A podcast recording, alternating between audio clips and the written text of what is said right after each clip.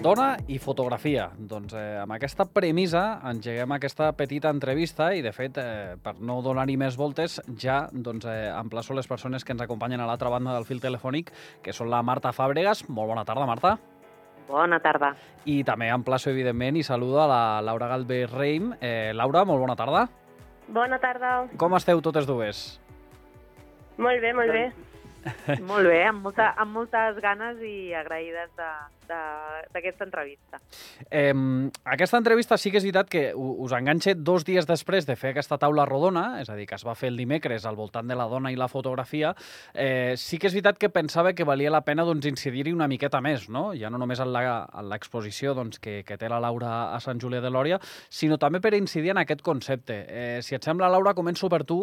Eh, Presenta'ns una miqueta aquesta exposició que, que esteu duent a terme a la sala Sergi Mas. Què és el que podem veure en aquesta bellesa inhòspita? Doncs a l'exposició trobareu 23 peces que retraten tant cambrians com batràs, mm -hmm. on duem a terme el projecte traspassant l'objectiu de la Fundació SETBA, que són tallers de fotografia dirigits per la Marta Fàbregas, Mm -hmm. i ensenyem fotografia doncs, a dones preses, de manera, ells, elles s'inscriuen de manera voluntària, i una miqueta és aquest comissariat, aquesta selecció d'imatges que poden retratar les dones en una, com una espècie d'essència a través de l'espai. Eh, Marta, si haguéssim de fer una crida a aquella gent que ens escolte, per què haurien d'anar a veure aquesta exposició? Bueno, jo crec que el valor, diríem, eh, artístic com a fotògraf de la Laura eh, és indiscutible. Ja és molt jove, però ja, ja té una, una molt bona trajectòria i, i després perquè és endinsar-se en una realitat que sovint eh, no, no veiem, no? que està mm. molt de portes endins a les presons i, i per tant és una oportunitat per a través de les fotografies de la Laura endinsar-se en tot aquest món de les presons i en el projecte i la feina que està fent la Fundació SEPA. Bé, és que, Laura, crec que hi ha un concepte que és important, que és eh, sempre s'ha entès la presó, o com a mínim des de fora, com un espai d'aïllament, no? Al final és la privació de la llibertat, que és un bé molt preuat. Eh, tu amb les fotografies que has fet entenc que també ajudes una mica a, a trencar aquest estigma, no? No sé fins a quin punt, tampoc.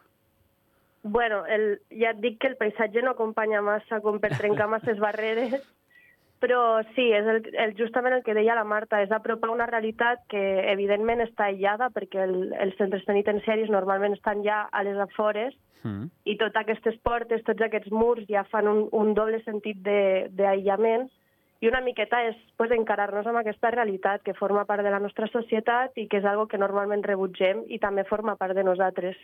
Eh, Laura, què és el que més et va cridar l'atenció quan vas fer aquestes fotografies? No sé si hi ha alguna anècdota o alguna cosa que especialment a, allò et, et marqués moltíssim.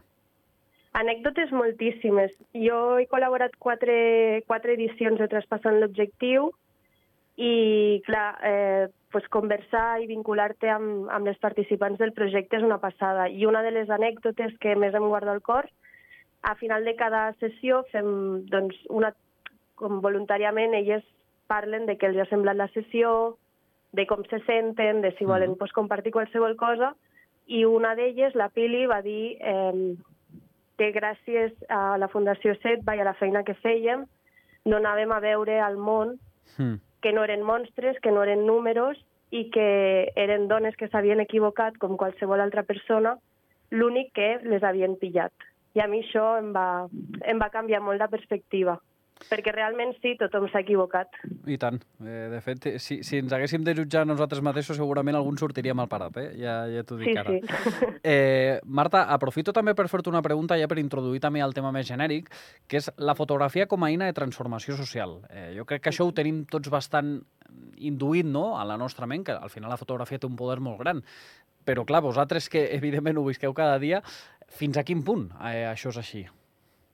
Doncs, bueno, és, és el que dius, eh? Real, realment eh, té un poder eh, d'arribar, diríem, a altres llocs que potser d'una forma més racional eh, és més complexa, no? Mm. L'art té aquest poder i la fotografia té, diríem, un avantatge i és que al treballar a través de la, de la imatge i d'una màquina, no?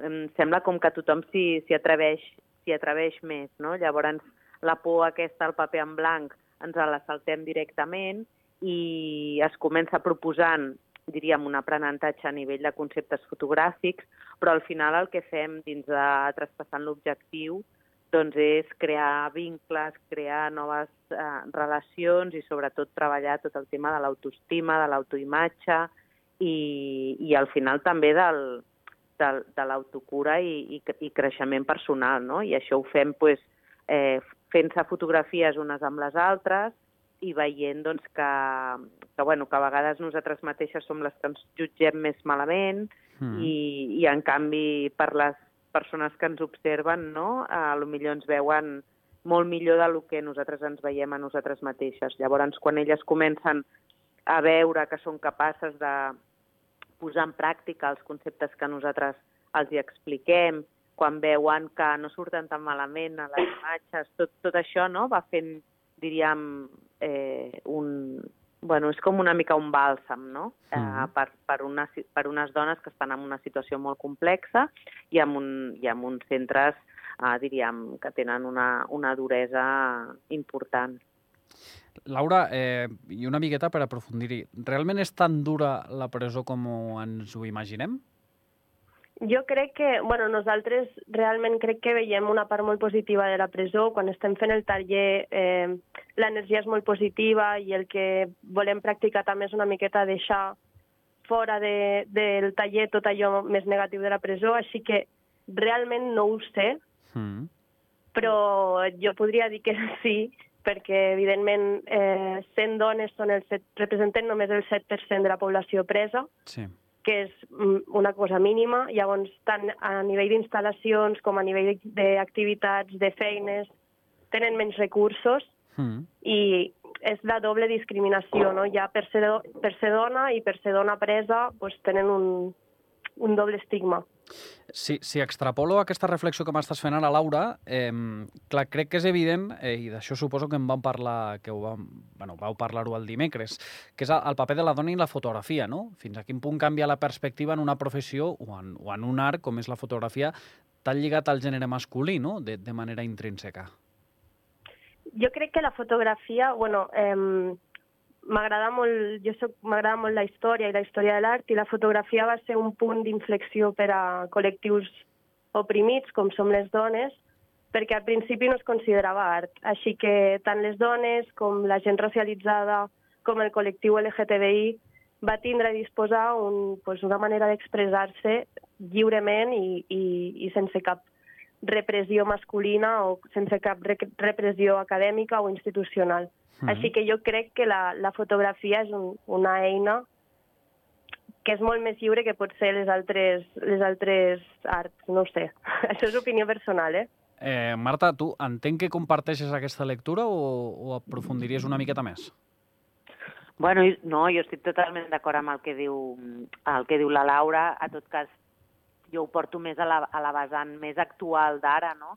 que, que realment eh, jo crec que, que actualment, i un exemple va ser en el, en el propi debat, no? que, que l'Anna ens va preguntar sobre els nostres referents, no? i per sort les fotògrafes joves tenien molts referents uh, mm. femenins no? d'altres fotògrafes, en canvi les, les fotògrafes que som ja més grans, quan estudiàvem no teníem no? aquests referents uh, femenins i per tant jo crec que en aquest sentit s'ha fet, fet feina, que cada vegada hi ha fotògrafes uh, més, més importants, més reconegudes. Sí, més consolidades, si volem dir-ho així. Més consolidades. De fotògrafes sempre n'hi han hagut, però sempre han, han quedat amagades i, i a la llum, eh, diríem, amb, amb poca llum, no? Ara se n'estan recuperant algunes, és veritat que, que van, van, en van sortint, però, mm. però bueno, actualment ja tenim un bon, una bona bancada de, de fotògrafes i, i que sobretot les joves puguin tenir referents, això és superimportant. Crec que hi ha una pregunta que pot ser curiosa, si us la demano a totes dues, si et sembla, te la faig primer tu, Laura, que és si canvia molt la mirada a través de l'objectiu, eh, en funció del gènere que, que utilitza aquesta càmera. Jo crec que sí. Si estàs parlant d'analògic o digital, mm. Jo crec que sí, totalment. És com quan escrius amb, amb l'ordenador o escrius a mà. Jo crec que el format sempre canvia una miqueta la visió i la manera de fer i l'analògic sempre preservarà doncs, aquest, aquesta espècie de nostàlgia o, o sí. màgia d'allò material, d'allò tangible, i, i lo digital potser és més immediat, és més modern, és més fresc, però mm -hmm. tot és transformable. Avui, avui en dia tot és, tot és una miqueta tot a la vegada. Eh, Marta, tu suposo, evidentment, eh, que tires més cap a l'analògic o, o ja t'has passat, suposo, ja a mort amb el tema digital? Com ho veus, això? Bueno, jo, jo actualment treballo amb, amb digital i, diríem, el meu dia a dia està en el món digital. El mm -hmm. que passa que més enllà, diríem, de les tasques que i, i la col·laboració amb la Fundació Setba, jo, jo sóc artista i la meva feina justament és totalment analògica. Jo parteixo de fotografia antiga i, i faig una feina de recuperació i de memòria a través de fotografia antiga que l'ampliu i la transfereixo a, a diferents suports per tant, analògic. Clar, jo eh, us diria, des del punt de vista d'algú que s'hi dedica però no de manera professional, eh, clar, és que espero una miqueta a, a vegades el procés creatiu, no? O el procés creatiu passa a un altre prisma, no? Que, que no té res a veure entre l'analògic i el digital. Jo crec que és, és una miqueta, el, depenent del discurs, com tu dius, durant el procés negat, creatiu, el, el discurs es va fent una miqueta la seva. Mm. Jo utilitzo molt el digital, sobretot per fer esborranys, per fer encàrrecs, com deia la Marta, jo treballo amb digital normalment, sí. però quan faig coses més personals, que tinc més temps, que puc dedicar-hi doncs, més estona i més inversió, potser a nivell econòmica, perquè l'analògic és, sí. és més car, doncs treballo, m'agrada treballar l'analògic per això de poder tocar-ho, però el digital és un gran recurs. Ah, en el cas de l'exposició, eh, Laura, l'exposició entenc que està feta de manera digital va ser analògic o com, com ho vas fer, això? És tot en digital. Jo, a, per exemple, a Batras hem de demanar sempre... bueno, s'ha de justificar tot el material sí. que s'entra dins de la presó i vaig treballar amb Panasonic, que són els col·laboradors sí. del taller que, que fan... bueno, les noies mateix feien fotografies amb la mateixa càmera que feia jo. En canvi, a Batras eh, vaig portar la, el, meu, el meu propi material, però també en digital. Els reportatges acostumo a fer-los en digital per, per allò de la seguretat de, de no cagar-la, vaja. Bueno, i, i evidentment suposo que això, eh, ja ho apuntaves ara, eh, que, que ho teniu molt en compte.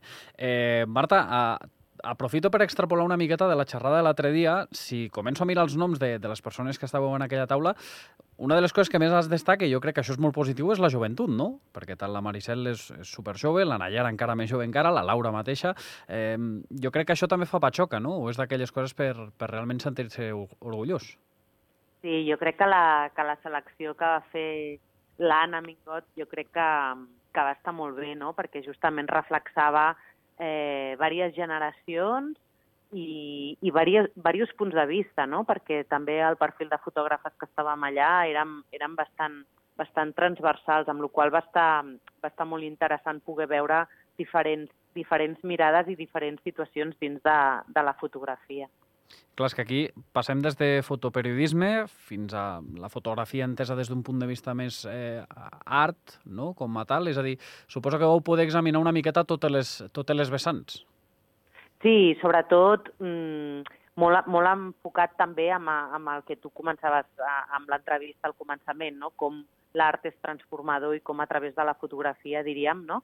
podem arribar a llocs que de forma eh, més mental i més cerebral és, és molt difícil i és veritat que l'art teràpia ja, ja hi treballa amb aquesta via, no? però, però moltes vegades eh, sense anar a buscar una finalitat tan terapèutica, al final acaba sent ja de per si una finalitat eh, curativa, no? si més no per les pròpies fotògrafes. Mm -hmm. eh, jo sempre ho dic, no? que jo vaig començar la fotografia per la vessant sobretot artística i que en els moments on he tingut eh, crisis importants, eh, la fotografia i més, més en genèric l'art eh, ha sigut un lloc, no? una taula, una fusta de salvament. Si, si em permeteu la pregunta, perquè eh, crec que és una cosa curiosa comentar amb, amb altres dues, com esteu visquent el tema de que actualment hi ha una facilitat també eh, per modificar aquestes fotografies o per fer-ne un mal ús, segurament, amb tot el tema de eh, doncs, la intel·ligència artificial, de que cada vegada és més senzill manipular certes coses. Com ho esteu visquent vosaltres, eh, això? Perquè suposo que la vostra feina particularment deu ser de les coses més dures.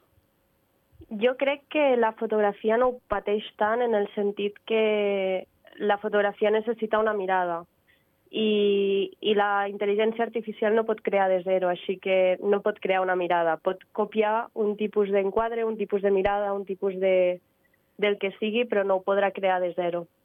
Llavors, amb això jo crec que estic bastant també dic, tranquil·la. tam- També et dic ara, Laura, que no crec que triguem, eh, gaire. Eh... Ja ho sé, ja ho sé. Però jo ho veig com una, com una possibilitat més. Eh, Mhm. no, no em fa por. Al principi sí que... A mi el que em fa por és que revolucionin les màquines en contra de, de nosaltres. Però tant que ens prenguin la feina no, no em fa gens de por, perquè crec que hi ha un factor humà que és molt necessari en aquest tipus de feines i confio que hi haurà gent que seguirà necessitant de fotògrafes per, per fer la feina. Eh, Marta, t'extrapolo evidentment també la pregunta a tu. Com ho veus, això?